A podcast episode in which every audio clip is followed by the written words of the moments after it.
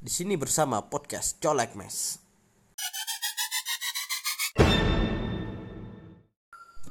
Assalamualaikum agan-agan. Sebenarnya nggak ada topik yang dibicarakan, cuman terakhir ini cuman terpikirkan satu topik yang menarik dibicarakan itu adalah teknologi masa lalu lebih tepatnya ke teknologi metafisika. Wih. kayak santet eh, apa namanya pelet. Ketiga itu apa ya bagusnya? Apa ya? Penglaris. Ih. sebenarnya tekno itu kan teknologi lokal genius itu tuh. Jadi sebenarnya teknologi itu gua nggak tahu gua nggak pernah menyaksikan gua nggak pernah tapi dalam beberapa fiksi itu ad- benar adanya. Pelet santet habis itu penglaris habis itu apa jadi kayak mitos. Entah lagi kan disebutkan teknologi atau apa enggak itu termasuk hal yang berbau metafisika atau teknologi yang tidak bisa di eh, sementara tidak bisa dijelaskan secara ilmiah. Seperti meninggal meninggal dicabut arwahnya.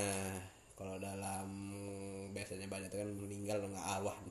Meninggal habis itu arwahnya keluar dari tubuhnya. Itu kan kita nggak tahu nggak bisa terbukti juga secara ilmi eh, belum dibuktikan secara ilmiah kalau boleh dikoreksi bisa dikoreksi lokal genius itu tuh bukan hanya berlaku di Jawa di daerah Jawa tapi juga berlaku daerah Kalimantan daerah Sumatera nggak tahu juga kalau daerah Solo Makassar hal yang cukup menarik itu kenapa ilmu itu nggak diturunkan. nggak diturunkan. Jadi kayak ada universitas ilmu ilmu apa namanya ilmu santet gitu kan. Siapa tahu kan itu berguna tuh jadi salah satu apa namanya metodologi militer. Kayak silat gitu kan ilmu tenaga dalam. Nah kita nggak tahu secara sebenarnya apa namanya benar secara kasat matanya. Tapi benar adanya.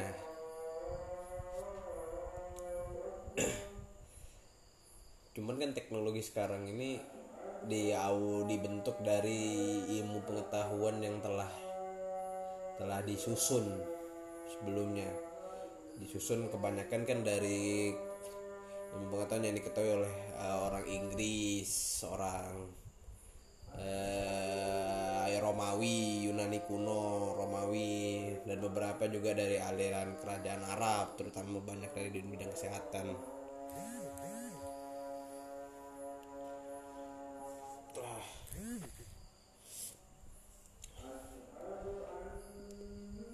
Nggak tahu bisa apa enggak apakah bisa dilahirkan di penamanya ilmu ini bisa diajarkan apa enggak tapi apakah bisa dipelajari juga tidak tahu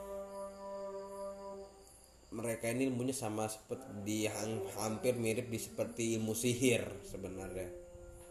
Ilmu sihir.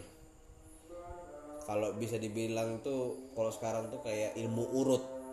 Dulu kan kalau gue nggak sih nggak tahu sih ilmu urut tuh kayak mana. Cuman orang-orang yang nggak bisa apa namanya orang-orang gua waktu gue masih kecil tuh ada tuh orang ahli urut tapi nggak nggak nggak perlu sekolah jadi ilmu apa namanya nggak perlu sekolah tinggi tinggi sampai apa namanya sampai fisiokol fisioterapi gitulah. Tapi mereka bisa. Nah para para teknologi masa lalu seperti dukun ini menarik sebenarnya. Karena karena menjadi hal yang mistis dan nggak pernah diketahui. Bagaimana metodologinya bagaimana dikembangkan ilmu santetnya. Kan siapa tahu ilmu template ini bisa dikembangkan gitu kan. Bisa dilatih. Kok bisa membunuh misalnya e, menyakiti satu orang dalam satu hari. Jadi ditingkatkan untuk mendapat nyantet lebih dari dua orang dalam dua tempat yang dari dua tempat yang berbeda secara bersamaan. Itu kan sama kayak teknologi ilmu komunikasi tel telekomunikasi aja tuh. Bisa melakukan permainan ma dunia maya dalam waktu bersamaan kayak game online. Ya enggak sih? Jadi bicara tentang teknologi ini gua saya ingatnya tuh reviewnya ke lebih realistisnya aja ya.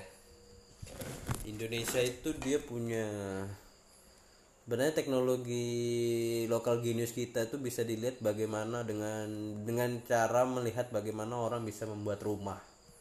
Rumah adat pada orang-orang rumah adat dahulu. Rumah adat kemudian bagaimana mereka membuat sawah atau untuk pakano pakannya kemudian alat alat apa namanya alat berburu alat perang bisa juga jadi teknologi habis itu kemudian eh, pengobatan medis. Jadi sebenarnya itu lebih nyata ketimbang santet-santet tadi yang nggak jelas banget. Mungkin kan di teknologi masa lalu itu di Kalimantan mungkin kan ada tuh eh, apa namanya ahli senjata. Kan sekarang kan kita kayak anu aja tuh kayak tersilau sama dunia barat aja tuh. Dunia barat dengan ilmuwan-ilmuwan yang keren kayak Isaac Newton, Albert Einstein, Grondinger John Dalton. Mungkin dulu mungkin ada aja di Indonesia tuh. Di Indonesia. Dulu di Indonesia. Kemudian mungkin ada namanya ilmu gravitasi cuman dalam bahasa lokal aja tuh kita nggak tahu aja namanya apa. E, kayak apa ya kayak ilmu perairan.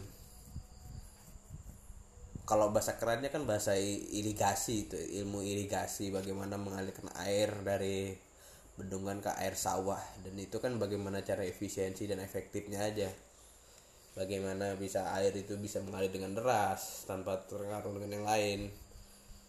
Kalau secara ilmu fisika kan bisa aja di uh, dirumuskan secara gus. Tapi orang dulu tetap aja bisa tuh. Melakukan pengairan tanpa perlu ilmu eksakta nggak perlu apa namanya nggak perlu perhitungan terlalu rumit berdasarkan dengan pengalaman dan kawan-kawan. Jadi orang dulu tuh ada juga beberapa engineer engineer lokal engineer engineer jenius terutama rumah-rumah yang agak sulit tuh rumah e, konstruksi rumah e, teknik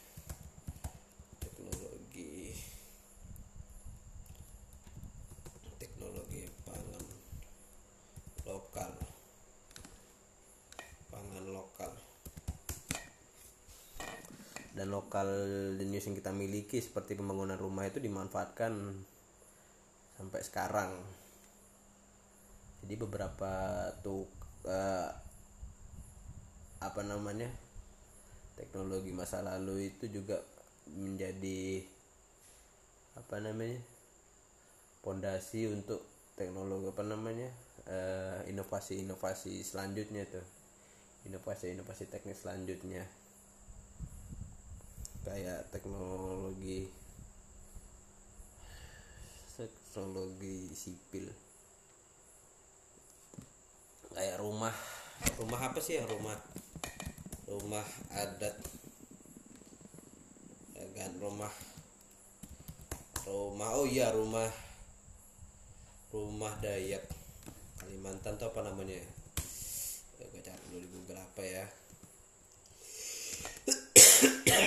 Rumah adat Dayak. Rumah adat Dayak ini kan eh, memiliki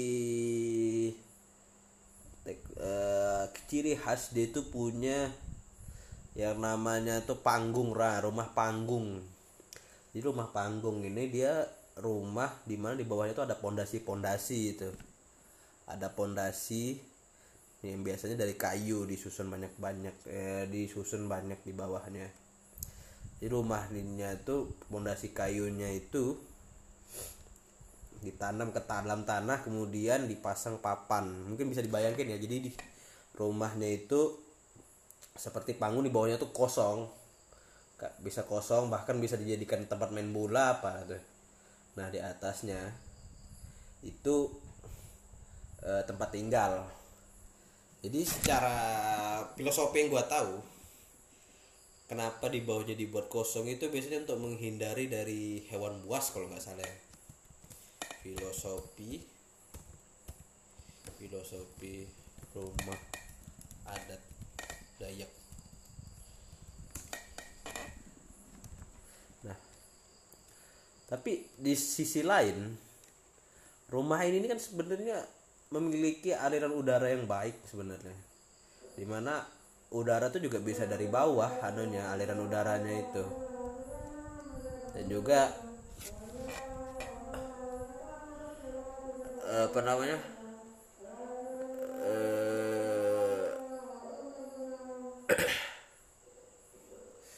memiliki gimana ya? Mereka sendiri itu sebenarnya dari ilmu sipil itu juga berarti kan mengerti bagaimana cara membuat pondasi yang benar pada rumah ini. Kapan ditaruh di kapan ditaruh kondisinya tentang kayu kayunya kayu ke anu ya ukuran berapa sih? Ukuran mungkin bisa sampai 10 cm kali 10 kali ya itu aja terlalu gede tuh 10 kali 10 atau 20 kali 20 20 kali 20 kali kegedean 10 kali 10 itu sih banyak-banyak di bawah. Termasuk rumah gua di Kalimantan itu daya juga termasuk salah satunya rumah panggung. Dan sampai saat ini juga masih digunain terutama tempat gua dipakai rumah panggung itu di bawahnya kan banyak kan itu. Di bawahnya itu banyak pondasi kayu-kayu. Dan memiliki kelebihan sih. Jadi kalau di tempat gua dulu dulu tuh ada sering musim banjir. Jadi rumah gua tuh tinggi.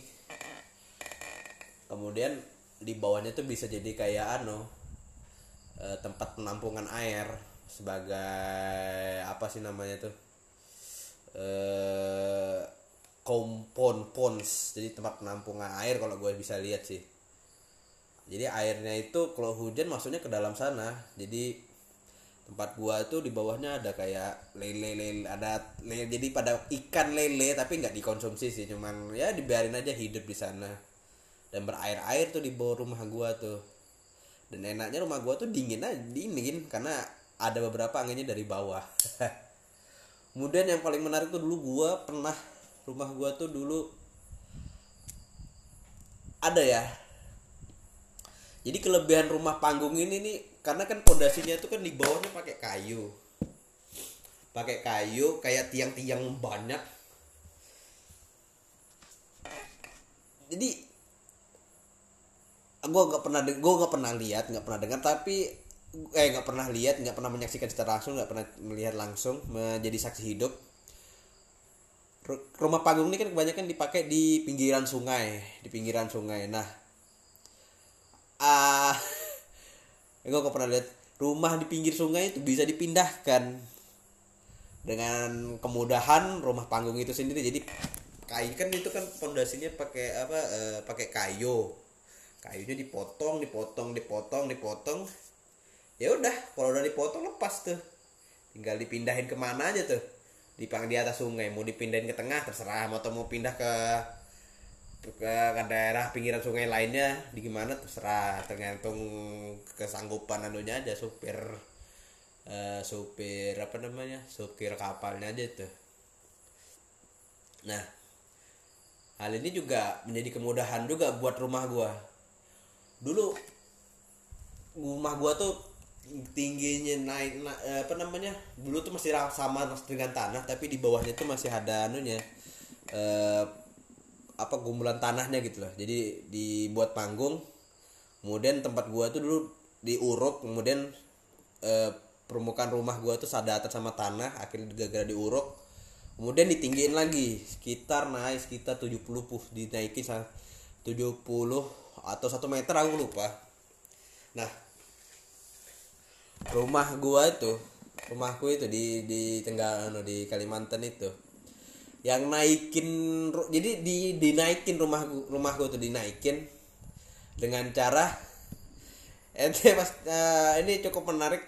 Gue dulu nggak ngerti sih dulu masih biasa aja sih ngelihatnya masih kecil. Tapi kalau gue pikir-pikir sekarang itu teknologi yang bagus banget ya.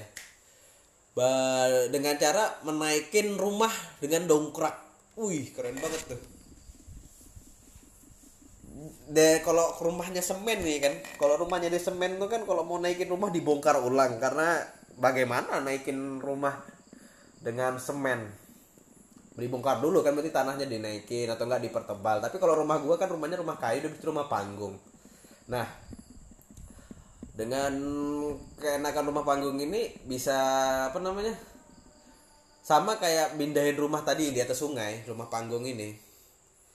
Eh, kemudian dipotong salah satunya. Misalnya dipotong di salah satu tiangnya itu dipotong sekitar 15 cm atau 20 cm gitu kan. Dipotong habis itu di replace di replace dengan dongkrak. Jadi dongkrak itu untuk mobil itu. Dongkrak pakai mobil kemudian didongkrak dengan mobil. Apa namanya? Dipakai dongkrak mobil habis itu tiang-tiang lainnya digituin juga tuh. Dipindahin dipindahin dipindahin dipindahin. Di replace akhirnya pondasi rumah gue tuh pakai ano pakai dongkrak semua. Tapi uniknya mereka tuh punya keahlian eh, punya bukan pengahlian mungkin dah pengalaman juga. Eh, mereka tuh juga apa namanya bisa memperkirakan uh diukur senti-sentinya. Wah jadi menarik karena mereka tuh juga profesional apa namanya ada perhitungan yang tersendiri agar rumah tuh tetap rata dan kegiatan dia dalam rumah itu nggak terganggu. Keren coy. Jadi ibaratnya tuh kalau gua kan gua masih kecil sering tidur siang. Tidur jam eh biasanya gua tuh masih libur sih SD SD apa SD SMP ya? masih eh SD kayaknya SD tidur tidur agak siangan sore-sore bangun sekitar jam 3 atau jam 4 rumah gua udah naik coy. Naik berapa senti lah gitu. Naik berapa senti. Dan gua gak merasa terganggu apa pun itu shit man Eh, bahkan kontraktor yang eh, apa namanya big- apa namanya orang-orang engineer-nya ini bukan orang-orang kota bukan orang-orang terpelajar tapi orang-orang pedalaman. Orang bukan orang pedalaman juga sih orang-orang yang orang apa namanya? Bukan orang kota lah intinya gitu bukan orang kota tapi mereka memiliki lokal jenis seperti itu. Jadi metodenya itu kan seperti tadi. Pondasi apa namanya? Kayak tiang panggung itu kan ada tiangnya itu dipotong dikasih dongkrak. Habis itu didongkrak dah tuh eh dipasang dongkrak satu kemudian satunya lagi berubah akhirnya semuanya menjadi apa namanya dipasang dongkrak semua pada setiap tiangnya kemudian dinaiki itu secara bersamaan tuh krek krek krek krek krek krek. Secara bersamaan krek krek krek. Kemudian ketika tingginya udah maksimal udah tingginya maksimal nah salah satu tiangnya lagi dongkraknya dilepas. Dongkraknya dilepas kemudian ditambah kayu. Jadi dulu tuh tempat gua tuh eh kayunya itu diganti pakai kayu biasa kayu pohon. Nah diganti pakai kayu pohon. Eh bukan kayu pohon nih kayu biasa gitu kan. Kayu balok saja balok yang balok yang eh, kayu balok yang apa sih kotak gitu kan. Mungkin udah ada ukurannya dipotong dinaikin tuh. Nah ditambah jadi tiang gua tuh ditambah potongan balok itu di atasnya dikasih dongkrak lagi. Nah dongkraknya dikit pendekin lagi. Dirip habis itu jadi jadi saat dah setelah satu tiang itu udah ditambahin balok ya yang lainnya ditambahin balok lagi tuh ditambahin balok lagi. Hampir semuanya sudah tiang kemudian ketika semuanya telah diganti semuanya tiangnya udah memiliki tambahan balok kemudian ditambah dongkrak nah, besok lagi berlanjut lagi besok berlanjut lagi besok naikin lagi. Oke jadi ketinggiannya tuh ketinggiannya tuh bisa diejus. Ketinggian rumah gua tuh bisa diejus coy dulu. Tergantung kemauan bapak gua aja tuh. Wajir gua jadi saksi hidup kan ya. Saksi hidup teknologi naikin rumah dulu ya pakai dongkrak. Keren banget ya bapak gue punya keputusan buat naikin rumah pakai dongkrak udah naik dongkrak dinaikin. Wah kurang nih. Anu bilang apa namanya bilang bapak gue masih kurang nih naikin lagi. Naikin. Kemudian wah dengan metode yang sama diripit diripit diripit terus. Akhirnya udah sampai kalau nggak salah tingginya 70 cm gitu kan rata semua. Kemudian baru tuh beberapa dipatenin dimulai diganti di replace kayunya itu di replace dengan apa namanya e, cetakan apa namanya dibuat e, fix gitu loh. Jadi tiangnya dibuat fix dibuat gigi-gigi biar nggak gampang roboh. Pada satu tiang di gak di tur apa namanya dihilangin anunya itu apa namanya dongkraknya sama baloknya kemudian diganti balok yang bakal menggantikan itu supaya fix dengan cara pakai apa namanya ya tau lah biasanya tukang tuh pakai gerigi kemudian dikasih apa namanya baut gitu kan nah ketika satu satu tiang udah fix kemudian semua diganti fix tuh diganti semuanya Oke, jadi tinggi rumah rumah gua udah tinggi. Fix jadi tinggal bayar. Nah. Dan dan sebenarnya dengan teknologi ini dengan apa namanya inovasi ini nih kita nggak merasa terganggu. Naikin rumahnya tuh nggak terganggu. Aktivitas di atas nggak terganggu. E, tidak makan duit banyak karena cuma naikin. Kemudian gimana ya? Eh uh, request sedikit lagi tingginya be request. Dan sebenarnya ada lagi pertanyaan gua yang cukup menarik bagaimana mereka bisa memilih salah satu tiang dan dia bisa mastiin tiang itu nggak bakal roboh karena kan ketika salah satu tiang dilepas pasti kan titik masanya kan pasti berubah tuh jadi bakal pindah ke titik masa lainnya dan dia bisa mastiin kayak gitu. Tapi gue nggak tahu sih. Tapi itu menarik banget. Naikin rumah pakai dongkrak. Wih, anjir. Wah, bangga gue. Gue nggak nyadar juga sih dulu ada kayak gitu. Naikin rumah pakai dongkrak. Habis itu juga mindahin rumah juga di atas sungai itu juga asik juga tuh di tempat gua daerah Tenggarong. Jadi itu jadi salah satu ide uh, apa namanya ide si ide pembuatan rano apa namanya renovasi rumah yang untuk salah satunya kan dulu zaman gua tuh menghindari banjir enggak semuanya sih enggak dinaikin cuman beberapa rumah era ruang tamu kamar gua dulu. Setengahnya lah. Nggak juga setengahnya sih tiga perempatnya lah. Tiga perempat dari rumah gua tuh naik dengan kayak gitu metodenya. Dan setelah itu yang efek dari kenaikan itu tuh kan gua rumahku tuh dulu pakainya anu pakainya cuman apa namanya? Uh, Pollywood nah Pollywoodnya tuh rada-rada melengkung. Aku nggak tahu analisanya kenapa kok bisa Pollywood itu melengkung gua nggak tahu tapi it's okay lah nggak terlalu masalah. Akhirnya kan bapak gua kan uh, punya punya ide lagi ya udah diganti aja semuanya jadi lebih unik. Jadi rumah gua tuh kayu semua sih sebenarnya di tempat gua tuh. Nah itu salah satu teknologi naikin rumah. Nah, renovasi rumah menaikin rumah coy menaikin tinggi rumah. Jadi itu kelebihan rumah panggung ya. Jadi kalau udah punya ide rumahnya yang bisa tingginya bisa diadjust mungkin bisa tuh pakai teknologi. Rumah panggung. Wah gua baru nyadar rumah panggung gua tuh keren banget berarti ya. Nah tapi kalau di sini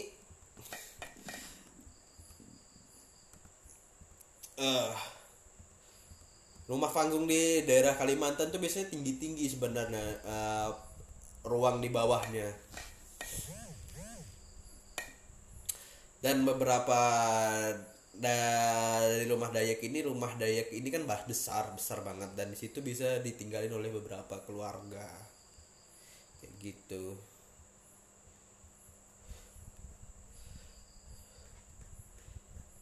Nah. Tuh keren banget tuh rumahnya tinggi. Ruang tidur ruang dapur dongkar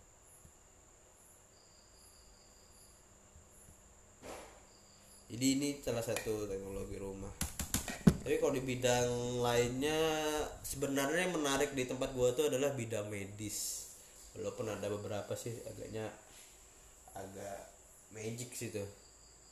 Kayak bayangin ya gua nggak tahu guru gua tuh pernah bilang ada Dayak Banuak kalau nggak salah Dayak Banuak itu dia dapat membelah badan dengan kuku. Wah gua nggak tahu tuh gimana caranya nggak ngerti juga nggak pernah jadi saksi hidupnya. Tapi kalau gue bayangin keren banget tuh. Dan nggak sakit gitu nggak tahu sakit apa nggak nggak tahu sih. Tapi masih gue yakinin kayaknya itu benar apa ya nggak kemudian eh abis itu wow ya di Kalimantan tuh ada namanya om ini ini saksi hidup gua nih ini saksi hidup banget gua ada tuh di sana tuh namanya obat ano minyak bintang. Ini gua gua apa namanya ini bisa aku, jadi saksi sebenarnya jadi saksi. Minyak bintang ini. Nggak tahu minyak ini terbuat dari apa entah di jampe-jampe apa gua nggak tahu. Tapi yang bikin ini keren banget dan saling king luar biasa banget. Minyak ini nih bisa nyembuhin patah kaki tulang. Itu hanya dalam beberapa hari doang tuh. Eh dalam beberapa minggu sih patah tulang. Biasanya kan kalau patah tulang itu kan eh, butuh waktunya tuh kalau nggak salah 6 bulan 4 bulan menunggu. Nah ini sebentar doang. Dengan cara kalau teman gua dulu om gua sebenarnya yang pakai itu om gua udah meninggal udah meninggal. Dia pakai minyak bintang. Dia patah kaki kan akibat kecelakaan kecelakaan motor nah dengan eh, pas kecelakaan kakinya patah didiagnosa kakinya patah kemudian sem- sempat dipen sempat dipen kemudian ada keluarga gua ngasihin lo ngasih minyak bintang itu diolesin. Diolesin eh, sore apa siang. Kalau masalah dimakan kalau dikonsumsi kayaknya enggak di kayaknya cuma diolesin atau di enggak enggak tahu dimakan apa enggak diminum dikonsumsi apa enggak enggak tahu terus malamnya dia diwajibin lihat bulan. Atau nggak salah lupa kalau nggak lihat bulan atau lihat bintang gitu. Kemudian bulan atau lihat lihat bintang. Udah besoknya itu udah bisa dijamin kali ya. Kakinya tuh memang sakit banget gue dengar dari om gua. Sak sakit banget. Tapi udah kayak biasa aja tuh udah biasa aja gitu loh udah kakinya tuh udah kayak shit men cepet banget ya seminggu gitu. Udah bisa berjalan seperti biasa aja. Kemudian om gua kan dulu eh, diminta tolong sama orang tua gua buat selanjutnya tuh buat renovasi rumah gua lagi. Kemudian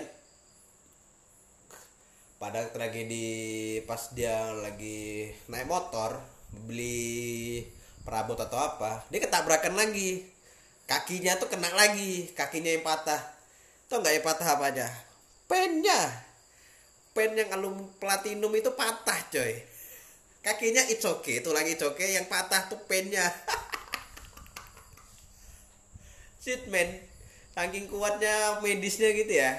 Dengan minyak bintang itu ah nggak tahu gue ilmiah apa enggak tapi wah tuh mantap banjur banget ya minyaknya tuh cuman rumor dari beberapa rumor tuh kalau meninggal sih jadi hantu. Minyak bintang. Pakai hubung kemudian boom sembuh.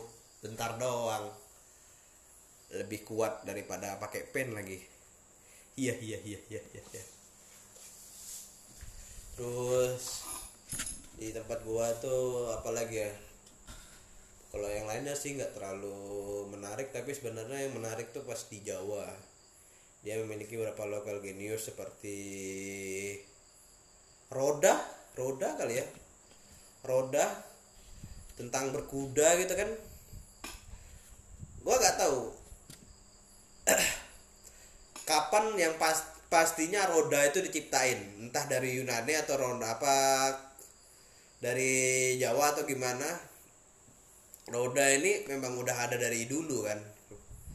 Dan salah satu buktinya adalah eh, apa namanya kendaraan eh, apa sih namanya itu? Delman Delman Delman. Ini kan di, di tempat kita namanya Delman. Kalau di Yunani lu nggak tahu lah apa namanya kendaraan dengan dengan satu kuda di belakangnya ada penumpang dikasih roda.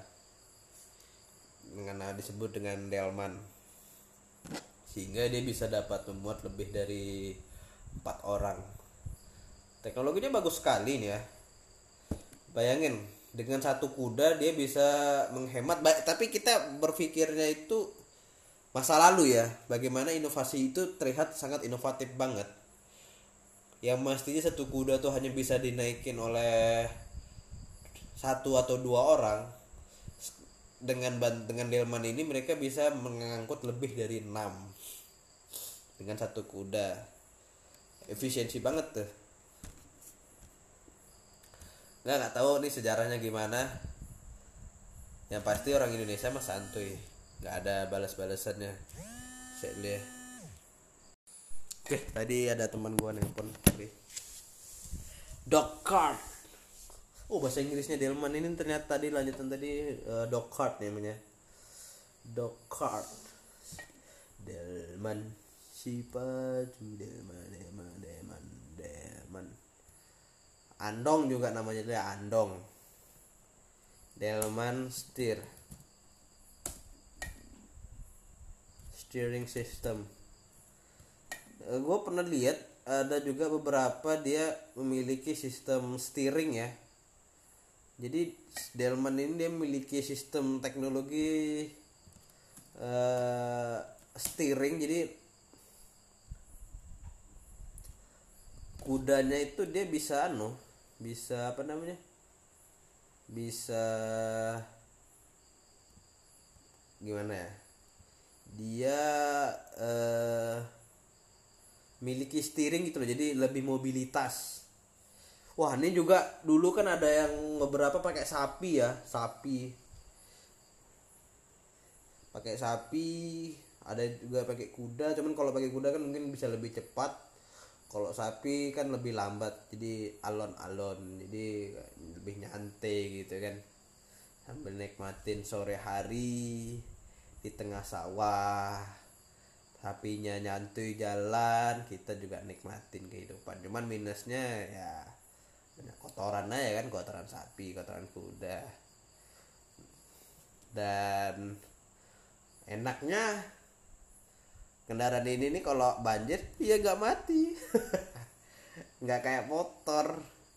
Motor kena air beberapa seberapa tingginya mati kuda ya setang setinggi kuda lah. Kalau kudanya lu masih jalan bisa jalan jalan. Gitu jadi ada sistem kayaknya ini ada sistem steeringnya juga jadi bisa mempermudah. Tapi kayaknya dokart ini kayaknya teknologi nyebar cuman kita nggak tahu aja asal usul penyebarannya seperti apa. Cuman di Indonesia ada tuh Delman namanya eh, namanya Delman. Kalau di luar kayaknya dokart namanya. Kemudian ada yang pakai sapi ada yang pakai kuda. Juga kalau gua lihat dari film-film Cina lama itu kadang pakai manusia. Kayak ojek gojek online. Eh gojek gojek jadul. Pakainya manusia nggak ada motor. Kemudian yang menarik itu adalah becak. Becak itu ada nggak? Ada kayaknya daerah Asia Tenggara kayaknya masih ada tuh namanya becak becak becak inovatif banget sih sebenarnya becak ini. Nggak tahu siapa yang pertama matenin atau apa tapi ini bagus banget ya. Dia menggunakan sistem sepeda tiga roda dan di depannya itu bisa mengangkut lebih dari ya dua orang lah. Di paling banyak paling idealnya. Di tiga kalau ada satu anak kecil. Kemudian di belakang didorong sama uh, tukang becaknya dan sekarang kalian udah diganti motor tuh becak motor. Hah. dia pakai motor tiga. Nah teknologi transportasi ini sebenarnya nggak perlu apa namanya digantikan sih. Tapi dibuat efisiensi teknologi-teknologi lokal genius seperti ini. Kan ada dulu ah ada namanya bajai ada namanya juga bemo becak becak be bemo itu bukannya becak motor ya? Ya nggak tahu sih dia kayak bentuknya kayak mobil ya bemo. Dia bener-bener kayak lokal genius ya. Bahwasanya kita tuh punya beberapa uh, alat transportasi yang cukup dulu tuh cukup populer sekarang udah digantikan aja dengan mobil.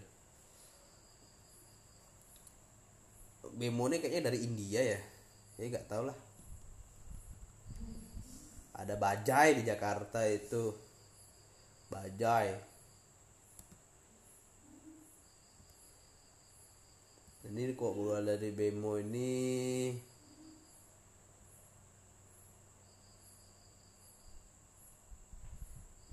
Uh, tapi nggak tahu ya di Jakarta. Ini pertama Jakarta pakai mesin roda tiga. Kayak pickup gitu bentuknya se sekeluarga semarga sama anu lah ya. Semarga sama apa namanya? Uh, bajai tiga roda becak. Cuman kalau becak kan roda tiga steeringnya di tengah kemudian aktuatornya di belakang. Ya nggak sih? Iya kalau becak motor ini gue nggak tahu tapi roda satunya roda satu di depan dua di belakang. Kemudian steeringnya di depan. Steeringnya udah kayak mobil tuh keren banget. Uh, efisien jadi dia tipenya itu udah anu gak sih? Steering apa namanya? Uh, apa sih steeringnya udah kayak mobil gitu keren banget di depan. Dan ada tutupnya lagi. Kalau tempat gua tuh di Kalimantan tuh apa ya transportasi yang kayaknya lokal jenius banget tuh? Kalau sebenarnya Keno Keno Kano tapi bukan hal baru loh bukan hal yang baru banget sih. Kapal gitu Kano.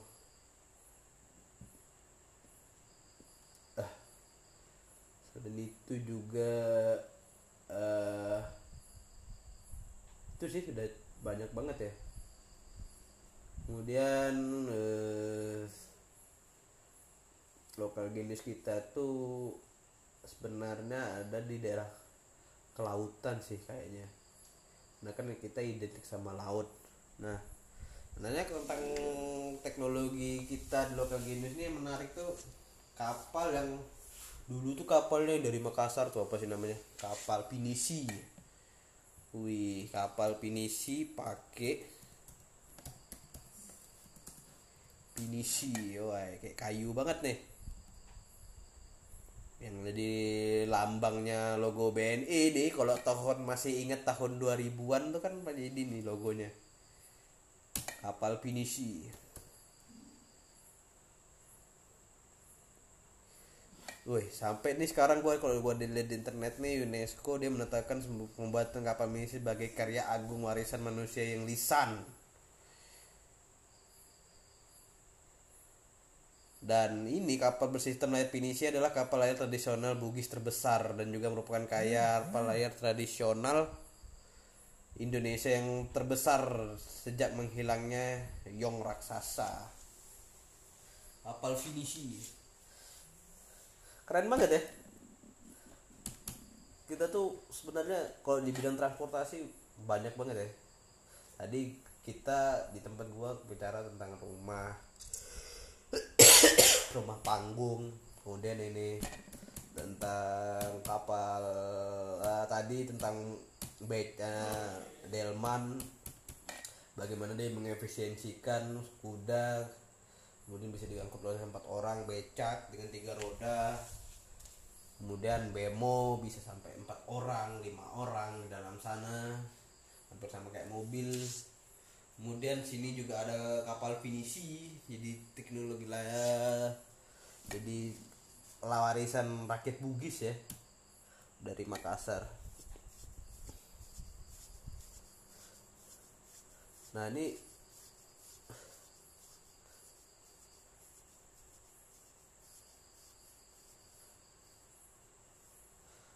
Oke. Sebenarnya kita ini kapal-kapal orang luar sebenarnya nggak ada apa-apa sama kita kalau kita pikir-pikir. Kita negara ke laut tuh sebenarnya kita yang lebih mengetahui bagaimana buat kapal sebenarnya. Kapal yang bagus. Yang bagaimana eh, cara apa namanya membuat membuat kapal benda seperti kayu disusun menjadi kapal kemudian lambung kapalnya supaya tidak eh, tidak bisa apa namanya tidak bocor seperti apa itu juga menarik untuk di apa namanya untuk di di explore lagi sih teknologinya eh, inovasinya gitu.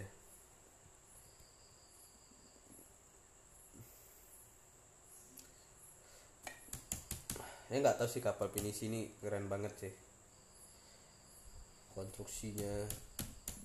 Sekarang kan kapal udah nggak ada lagi yang kayu banyak kan pakainya kapal eh, besi.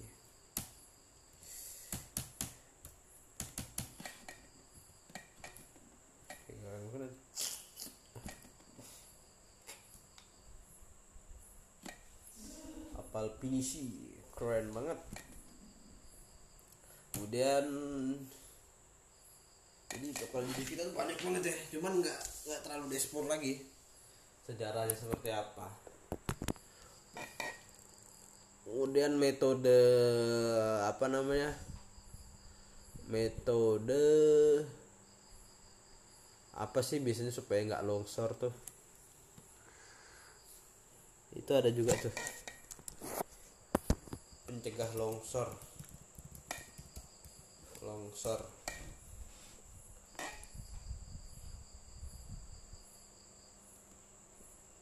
Vetiver. Ah nggak tahu ya bagaimana membuat tanah supaya nggak longsor tuh? Lupa gua namanya. Ah bodo amat lah. Yang lain. Ah gua lupa teknologi masa lalu tuh apa aja.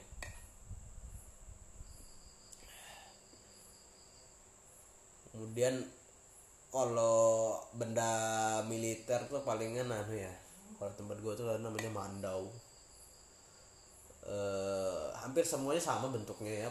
Panjang tajam udah segitu doang. Habis itu pegangannya macam-macam. Dari Jawa juga sama. Yang beda tuh sedikit agak Man- Madura tuh celurit. Dia ada kayak lengkungannya gitu. Nggak nggak gua nggak tahu apa fungsinya secara khususnya tapi dia memiliki kebedaan di situ tuh. Celurit. Ah ah sama benda dulu di tempat gua tuh ada namanya sumpit. Jadi sumpit itu dia kayak sedotan. Nah sedotan itu dia di ujungnya itu dikasih anu dikasih apa namanya? Pelor pelor ya? Pe- gua namanya apa sih? Pelor. Kalau kita tuh kan dulu sekarang kalau dulu tuh gua sering main tuh pakai sedotan. Di ujungnya dikasih dikasih apa namanya kertas bubuk kertas yang di um, di apa namanya dibuletin sampai kecil-kecil masukin dalam sedotan kemudian di ujung-ujungnya kemudian langsung ditiup tuh langsung diarahin. Wow ditiup sekuatnya biar masuk kena itu. Nah itu juga digunain tuh di tempat gua tuh dulu namanya bam pakainya pakai bambu gitu ya bambu kemudian bolong. Ada juga yang kadang pakai apa namanya bambu kemudian dipakai harus panjang jadi nggak ditiup tapi cukup dicek di apa sih kayak di dipukul kayak dipukul gitu nah. Jadi bambu ada tengah-tengahnya ada kayak saf eh, bukan saf sih eh, kayak obeng gitu nah jadi tinggal di kayak palu Truk. keren banget tuh. Sumpit sempit namanya sumpit. Nah ada juga yang pastinya tiup tapi dia larasnya panjang banget tuh. Dia pakai pelor di ujungnya tajam baru ditiupin. Wih mantep juga tuh untuk mungkin itu anu kali ya senjata. Itu kan nggak pakai suara jadi senjata detektif Dayak masa lalu. Wih senjata detektif senjata detektif orang-orang Dayak. Jadi kalau mau ngelatih nembak pakai itu ya eh anu itu apa namanya? Eh harus latih pernapasan. Jadi latihannya tuh yang gue inget tuh dulu sama pakai kayak bambu gitu kan. Kemudian dimasukin ke air bikin gelembung pakai itu. Jadi kayak kita eh, niup sedotan di dalam air. Nah tapi agak dalam tuh di kolam gitu kan. Habis itu ditiup sedalam-dalamnya gitu. Jadi makin besar gelombangnya itu kan berarti makin bagus tuh anunya tuh. Tekanan udara yang diberikan. Dan juga sumpit ini dia kadang dikasih tombak ujungnya jadi bisa jadi tom jadi dua apa namanya dua fungsi. Bisa jadi tombak bisa jadi juga jadi sumpit kayak gitu ini dayak banget nih pakai gini nih. Jadi kalau di apa namanya kalau kita perang dunia ketiga gerilya gerilya apa strategi gerilya kita kembali lagi tuh ak- diaktifkan. Dan salah satunya senjata ini sumpit nih bisa salah jadi salah satu apa namanya inovasi perang tuh. Gerilya itu kan sebenarnya bagaimana kita bersembunyi dalam hutan kemudian kita hidup berpindah-pindah tanpa diketahui eh, orang-orang yang di menghindari pemukiman gitu kan. Dan ini kan sebenarnya sederhana. Tinggal bikin apa namanya eh bambu nih kali ya atau pakai kayu gitu kan. Nanti dibolongin kasih pelor ditajemin. Wah. sama anu juga nih kan hampir mirip kayak panah. Cuman ini pakai anu aja pakai apa namanya pakai tiupan aja kan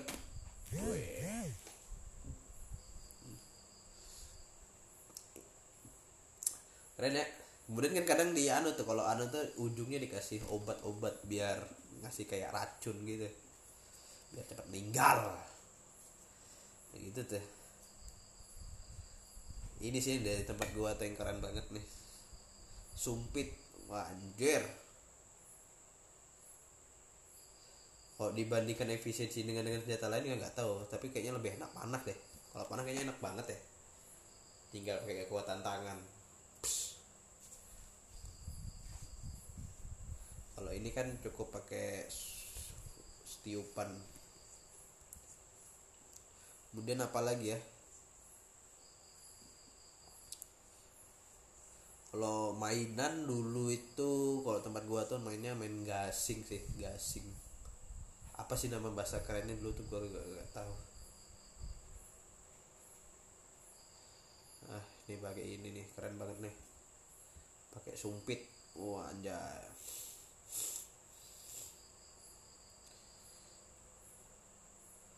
Kemudian eh, ini asik ya main sumpit ini lagi nih ya.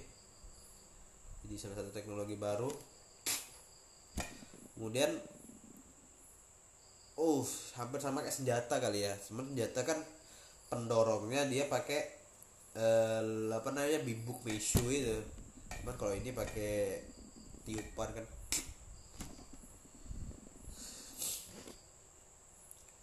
Ya asik banget nih.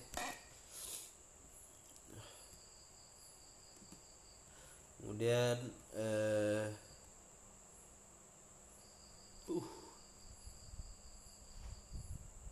apa yang gue jarang lihat tuh kalau tempat gue tuh ada namanya keramba. Kan dulu kan tempatnya tempat gue tuh kan di sungai. Jadi orang tuh nggak perlu ribet-ribet bikin kolam jadi cukup bikin sungai. Kemudian mereka tuh bikin namanya keramba. Keramba itu kayak enggak lah apa sebenarnya apa sih? Keramba itu kayak oh oh oh biasanya ada dari anu ya dari Indonesia Malaysia Filipina kalau gua dari lihat di internet nih. Keramba ini dia ngapung di atas sungai. Kemudian di atas di sungai itu kita tuh kayak bikin anu penjara penjara buat ikan. Jadi cukup bikin apa namanya penjara apung lah buat ikan-ikan. Jadi kalau kita kasih makan ya kasih makan di dalam itu aja thread ikannya di situ. Kemudian kalau mau nangkap pun gampang kan tinggal diapungin.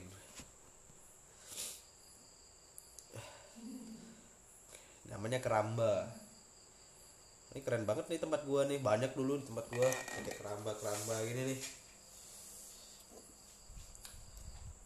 Soalnya jadi eh, ikan itu juga dihitungnya lewat keramba ini nih. Apa namanya? Eh, biota lautnya gitu apa namanya eh, gimana ya lebih alami gitu loh tapi dikurung gitu ikannya dalam keramba gitu. Nggak perlu pakai apa-apa cukup dikasih jala dikasih pengapung kayak apa ya kadang sini kayaknya pakai drum atau enggak pakai apa namanya uh, apa namanya drum habis itu pakai dirigen juga tempat gua tuh pakai dirigen udah biarin aja tuh. Kasih makan dikasih bibit kemudian dikasih anu kasih makan. Pelihara kemudian panen keramba.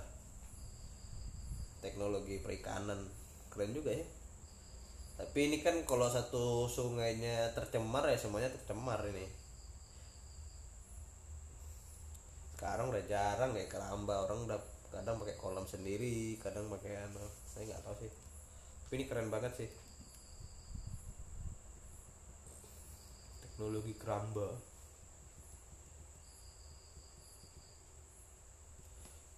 Nggak tahu lah ya nih teknologi apa namanya uh, inovasinya bagus banget. Sampai sekarang kan kalau mau lebih bagusnya lagi itu kadang kalau gua gua lupa sih namanya kadang dikasih e, sel surya tuh biar bagus. Ngapung ngarilin listrik di tengah sungai. Ih cakep kali ya. Cakep kali. Habis itu dikasih turbin. Wah teknologi lokal genius. Ditambah teknologi penghasil listrik turbin. Ini kasih surya kasih inverter har energi harvester with agro.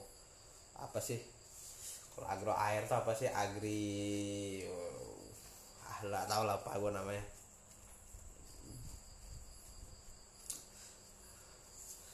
Jadi satu tempat itu memiliki banyak fungsi itu buat ramba ikan buat melihara ikan buat harvest energi listrik energi energi terbarukan dan green energi banget. Iya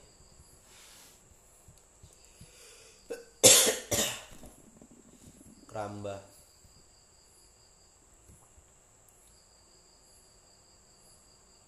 budidaya laut. Weh. Kemudian apa lagi ya? Eh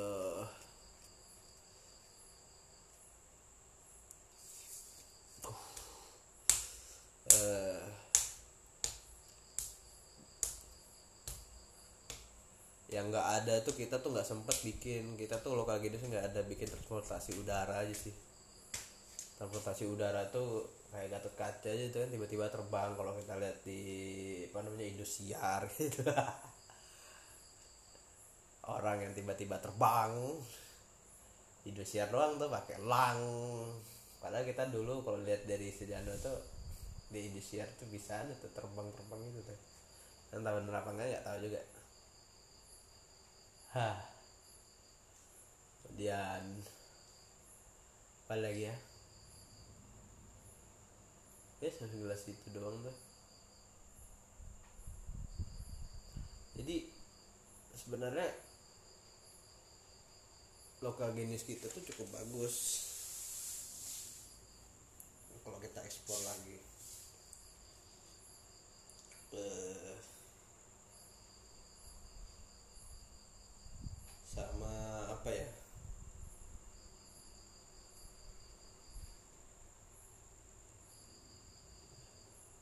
Mungkin wah. Anu nggak juga banyak sih sedikit juga. Cuma kita tuh beberapa nggak di orang-orang dahulu kan mungkin kita tuh tipenya tuh tidak membukukan teknologi-teknologi kayak gitu sih ya. Jadi nggak dibukukan aja tuh coba dibukukan bagus juga kan itu kan. Jadi kita tuh memiliki teknik-teknik teknik-teknik masa lalu. Seperti Mesir kan bagaimana mereka membuat piramidanya bagaimana nyusun batunya bagaimana perhitungannya bagaimana mengorganisasi orangnya. Itu menjadi menarik hal tersendiri bagaimana orang masa lalu bikin piramid. Di kita juga menarik juga tuh.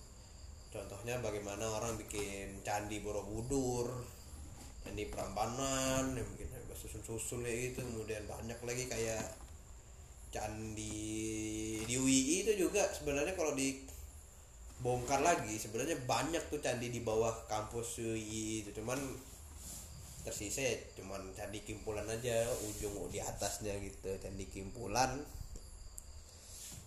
Jadi yang ada di tengah-tengah perpustakaan kita gitu punya kepercayaan sendiri punya kepercayaan tersendiri sih punya kampus tapi juga punya candi di tengah-tengahnya. Ah, jadi saksi sejarah jadi bukti sejarah juga. Maksudnya kita itu keren gitu loh. Oke. Mungkin itu udah cukup ya udah gak ada ide lagi tentang gua yang gua inget lagi teknologi apa namanya beberapa teknologi masa lalu yang perlu kita review. Dan kalau ada bisa lah di kita analisa. Kayaknya asik deh kalau menganalisa secara matematika menganalisa secara matematis biar bagaimana membuat teknologi menjadi efektif. Oke